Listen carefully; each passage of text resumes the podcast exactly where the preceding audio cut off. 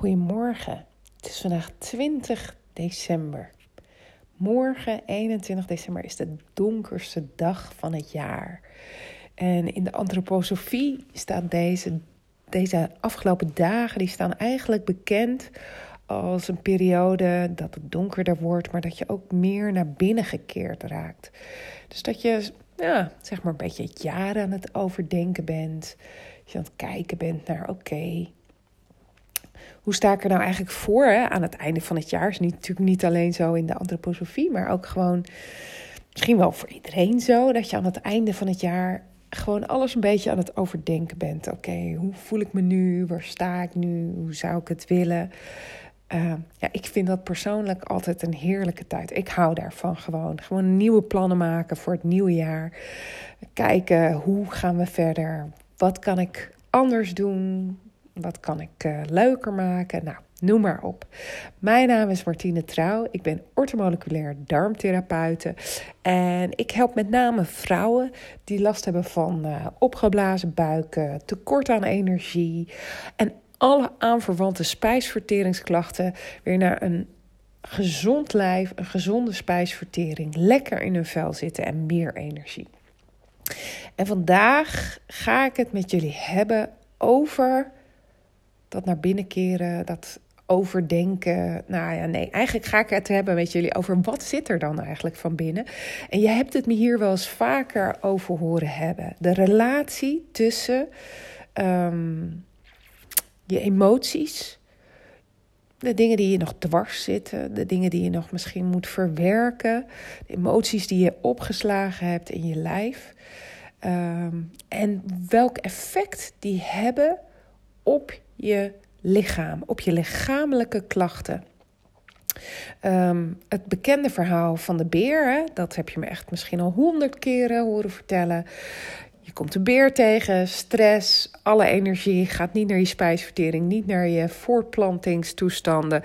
Uh, alles moet naar je spieren. Uh, beer is dood, uh, jij ontspant weer en je kan je weer ehm, gaan richten op spijsverteren, op voortplanten, op alle andere lichamelijke um, processen die belangrijk zijn op dat ogenblik. Op het moment dat je die beer tegenkomt, is er maar één ding belangrijk en dat is overleven. Um, en wij hebben allemaal eigenlijk nu continu een klein beetje stress in de vorm van, uh, nou kijk maar eens naar die telefoon. We hebben het veel drukker, we slapen minder. Nou, dat soort dingen hebben allemaal sowieso al effect op hoe we ons voelen. of we veel energie hebben of weinig energie hebben, heeft te maken met of we lekker slapen, uh, of we het heel erg druk hebben of over onze grens heen gaan. Maar er is nog meer. Je kunt daarin nog een stapje verder gaan. Je kunt ook um, kijken naar de dingen die je in je leven hebt meegemaakt, de trauma's, om het zo maar eventjes te noemen, die je hebt meegemaakt in je leven. En ja, die je misschien niet hebt verwerkt. De dingen die je als kind hebt meegemaakt, of als puber, of in je twintig jaar. Dat maakt eigenlijk niet uit, maar die hebben gemaakt tot wie je bent. En die ervoor zorgen dat je uh, reageert op een bepaalde manier. Die tot dan toe wel voor je gewerkt heeft, maar die naarmate je ouder wordt, misschien ook een stukje minder vitaal wordt, uh, steeds minder voor je gaan werken, die je eigenlijk juist misschien wel tegen gaan werken. Dus, dus bijvoorbeeld, je hebt mij um, misschien wel vaker horen vertellen over je maag. Hè? Wat heb je op je maag is heel letterlijk zo. Wat heb je op je maag is, is iets van voor mij staat de angst altijd heel erg in verbinding met. Uh, nee, ja, voor mij staat de maag altijd heel erg in verbinding met angst. Mensen die angstig zijn, die zenuwachtig zijn, die zich zorgen maken, dat slaat heel vaak op die maag. Dan merk ik dat mensen die krijgen, dan krijg je dat rotgevoel in je maag. Weet je wel, oh, ik heb zo'n rotgevoel in mijn maag. Het voelt niet lekker. En dat herken je misschien wel. En dat kan een hele acute situatie zijn. Dat kan zijn dat je bijvoorbeeld uh, um, Ja, dat er iets in je omgeving gebeurt, dat er misschien iemand ziek is of er gebeurt iets op je werk, hè, wat dan acuut op je maag slaat en wat dan op een gegeven moment gewoon vanzelf weer overgaat omdat die situatie weer verbetert. Maar het kan ook zijn dat je in het verleden iets hebt meegemaakt wat je eigenlijk nooit helemaal verwerkt hebt. Wat er eigenlijk voor gezorgd heeft dat je op een bepaalde manier reageert op dingen. Um, wat gewoon eigenlijk continu op die maag blijft zitten. En wat er dus voor kan zorgen dat jij maagklachten ontwikkelt. En nu heb ik het over die maag, maar dat kan natuurlijk net zo goed gelden voor je darmen. Uh, mensen die emoties vasthouden zijn soms ook wel geobstipeerd. Mensen die emoties niet goed kunnen verwerken, die daar niet uh, goed mee om kunnen gaan, die het eigenlijk zo snel mogelijk van zich af willen duwen, vaak diarree. En dit is allemaal even heel kort door de bocht, hè, wat ik nu zeg. Maar het heeft wel degelijk met elkaar te maken. Um, Misschien heb je me uh, ook wel eens horen vertellen dat ik uh, zelf zit ik in de overgang. En uh, nou, ik kan je vertellen, ondanks al mijn kennis en ondanks alles wat ik ervoor doe, gaat dat echt niet zonder slag of stoot. Um, ik heb slapeloze nachten soms, dat ik gewoon echt elk uur wakker word. En ik doe daar best wel veel al aan, vind ik zelf. Hè? Dat vind ik zelf dan. Ik, ik mediteer, ik neem koude douches, ik slik mijn supplementen. Uh, ik sport, ik doe aan krachttraining. Um, ik eet gezond, zoveel mogelijk. Uh, nou, ga zo maar even door. Dus dat is best een heleboel. En toch zegt mijn lichaam... Ja, maar Martine, dit... dit uh, dit gaat niet helemaal zoals het moet. op het moment dat ik dus zo slecht slaap, dan kan ik daar. Uh, ja, heb ik eigenlijk heb ik de hele tijd gehad dat ik dat ik me daar dus druk over maakte. Uh, dat ik me daar vervelend over voelde. Dat ik me daar eigenlijk ook een beetje tegen aan het verzetten was. Um, want ik deed toch alles al. En nou ben ik daar eens heel erg over na gaan denken. Over oké, wat vertelt mijn lichaam me nu eigenlijk? Wat zegt mijn lichaam me nu eigenlijk? Eigenlijk ga ik nog steeds over mijn eigen grenzen heen. Want mijn lichaam vertelt mij dat op het moment dat ik een week lang, elke nacht, elk uur wakker word, um, dat ik dan eigenlijk meer rust nodig heb overdag. En ik heb eigenlijk een hele tijd geprobeerd om door te gaan, zoals ik dat altijd deed. gewoon je, je, je werk en je kinderen en uh, eten koken, huishouden, noem maar op. Om gewoon op dezelfde voet door te gaan. Maar dat werkte eigenlijk niet. Dus ben ik gaan nadenken over: oké, wat zou ik nu kunnen doen om een stapje verder te komen. Om, om toch nog liever voor mezelf te zijn. He, je denkt eigenlijk altijd al heel snel van. Uh, ik doe toch al hartstikke veel. Dit, dit, dit moet het toch wel zijn, hè? En toch blijft dat lichaam blijft protesteren. Want dat lichaam die zegt, ja, ho, wacht even, dit is helemaal niet genoeg. Um, dus ik, ben, ik heb besloten om in de periode dat ik dus slecht slaap... om een middagdutje te gaan doen. Ik werk veel van huis uit... Um, dus ik heb de mogelijkheid om dat dan ook even in te plannen. Om gewoon eventjes te gaan liggen. En ik slaap misschien 10 minuten, 20 minuten, half uurtje. Maar het geeft me net even wat meer rust om, uh, ja, om gewoon uh, uh, de dagen door te komen. En lief te zijn voor mezelf.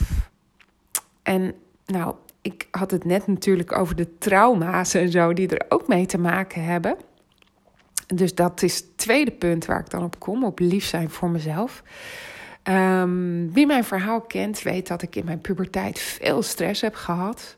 Ouders gescheiden. Mijn moeder is zes jaar lang ziek geweest en uiteindelijk overleden. Um, ik heb bulimia gehad in die tijd. Ik ben enig kind. Ik had geen broers of zussen uh, om mijn verdriet te delen. En mijn vader die vond het heel erg moeilijk om met mijn verdriet om te gaan.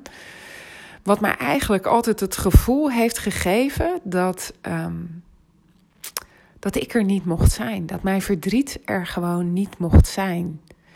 Uh, en, en dat ik zoals ik was, dat dat niet waar was. Dat dat niet mocht kloppen. Ik weet niet of ik dit duidelijk over kan brengen, dat je begrijpt wat ik bedoel. Maar het komt er eigenlijk op neer dat, um, dat ik me heel zwak voelde in die periode. Want wat ik deed, hoorde niet. Ik hoorde sterk te zijn. Ik hoorde, um, ja, gewoon vrolijk door te gaan. Alsof er allemaal niks aan de hand was. En dat kan natuurlijk helemaal niet. Dat kan helemaal niet, want er was heel, heel veel aan de hand. Er was gewoon echt enorme drama's. Um, en ik heb best wel veel dingen daar al van opgeruimd. En ik was eigenlijk in de veronderstelling dat ik het allemaal heel goed deed. Totdat er onlangs uh, iets gebeurde. Um, en ik daar ook een gesprek met mijn man over heb gehad. Um, wat me deed realiseren is dat ik me eigenlijk heel vaak gewoon tegen mezelf zei: um, Oh, je bent zeker weer niet goed genoeg. Of je doet dit niet goed. Weet je wel? De kleine opmerkingjes. Dat ik, um, dat ik voelde van: Oh, jij, jij vindt zeker weer dat ik het niet goed doe. En. Um, en, en, en ja, dat klinkt nu misschien heel zwaar, zoals dat helemaal niet bedoeld. Maar het maakte wel dat ik dacht van, ja, weet je, zo dit, dit wil ik niet. Um, ik merkte ook dat ik het aan mijn kinderen uh, misschien wel doorgeef. En dat wil ik al helemaal niet natuurlijk. Dus dat is ook een besluit wat ik heb genomen voor het nieuwe jaar. Om daarmee aan de slag te gaan. Om uh, in mijn eigen kracht te gaan staan. Uh, en om, om dat gevoel aan te pakken, zodat ik, en want bij mij gaat dit namelijk in mijn maag zitten, dat weet ik. En ik vermoed dat het ook mijn overgang uh, niet. Uh, dat het ook daar een rol in speelt. En misschien klinkt dit voor sommigen van jullie gewoon echt als heel um, wazig, uh, spiritueel uh, ge, gemut. dat kan ik me voorstellen. Maar misschien kan je er eens over nadenken. Gewoon van, goh, welke, welke dingen sleep ik nu nog met me mee? Welke negatieve gedachten zeg ik tegen mezelf um, de hele dag? Die ik misschien wel van vroeger meeneem, heb genomen. Um, en wat zou ik daar ja, hoe zou ik dat om kunnen buigen? Wat zou ik daarmee kunnen doen? Wat ik zelf echt een hele fijne methode vind, is de helende reis van Brandon Bays. En daarmee ga je eigenlijk, ga je, ga je zitten, heb je een gesprek met iemand. Ga je naar het gevoel in je lichaam toe. Dus op het moment dat jij bijvoorbeeld uh, vaak last hebt van darmkrampen, ga je naar die darmkrampen toe en ga je kijken welke gevoelens daaraan pardon, ten grondslag liggen. Dus wat komt er naar boven op het moment dat jij dat gevoel volledig laat zijn? En het kan best zijn dat je daar helemaal geen gebeurtenis bij kunt bedenken, maar wel dat je, uh, dat je er een gevoel bij naar boven komt. Dus maag, uh, ik kan me zo voorstellen dat er bij mij heel erg een angst naar boven komt op het moment dat ik daarmee aan de slag ga. Van ik ben niet goed genoeg. Wat ik voel telt niet. Um, en, en, en op het moment dat je die gevoelens dus de ruimte gaat geven, dat ze er dus wel mogen zijn, dan. Uh, dat is heel grappig. Ik heb dit namelijk al eerder gedaan. Uh, wat er bij mij dan gebeurt, is er, er ontstaat altijd een enorme lichamelijke reactie. Dus op het moment dat ik die gevoelens doorleef, dan gaat mijn, mijn maag gaat enorm borrelen. En dan uh, ga ik ook een heleboel boeren laten. En voor mij is dat een teken dat ik dan de gevoelens Um, die ik heb opgeslagen, als het ware, in mijn lichaam, dat ik die los kan gaan laten. Of dat ik die los aan het laten ben. Moet maar eens kijken. Volgens mij kan je hem op bol.com makkelijk kopen. Helende reis van Brandon Bays. Echt een superboek. En op het moment dat je dus die emoties los kan laten, dat je ze de ruimte geeft, ja, ontstaat er ook gewoon ruimte voor weer andere dingen. Dus dat is mijn voornemen voor komend jaar. Ik ben heel benieuwd hoe, hoe jullie daarmee omgaan. Uh, of je ook in deze tijd zeg maar naar binnen keert. Of dat je alleen maar aan het rondrennen bent om de kerstdagen te overleven. Dat kan natuurlijk ook heel goed. Hè? Uh, ik wens jullie in ieder geval alvast, mocht ik niet nog een podcast op gaan nemen dit jaar, wens ik jullie in ieder geval alvast een hele fijne, liefdevolle, warme, en dan warm vooral in gevoelsmatig warme feestdagen. Ehm, ja, dat je bij elkaar een thuis mag vinden, een, een veilige omgeving waarin je jezelf kunt zijn, waarin je lief kunt zijn voor jezelf. Um, en, en eigenlijk dan heb ik het over met elkaar, maar ook gewoon vooral aan jezelf. Dat je, dat je jezelf toestemming geeft om jezelf te mogen zijn. Dat je lief bent voor jezelf. Dat zeg ik echt heel vaak tegen mijn klanten. Wees vooral wat liever voor jezelf. Weet je, die, die klachten, daar kan je tegen blijven strijden. Je kan ze ook omarmen. Je kan ze ook zeggen: Oké, kom maar, ik ga voor je zorgen. Ik ga voor mezelf zorgen. En dat wens ik je uh, komend jaar heel erg toe.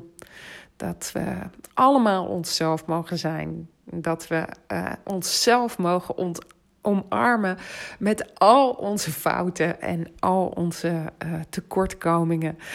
dit klinkt nu echt heel erg klef, maar weet je, ja, ik denk dat de wereld een mooiere plek zou zijn op het moment dat we, dat we heel lief voor onszelf zouden zijn.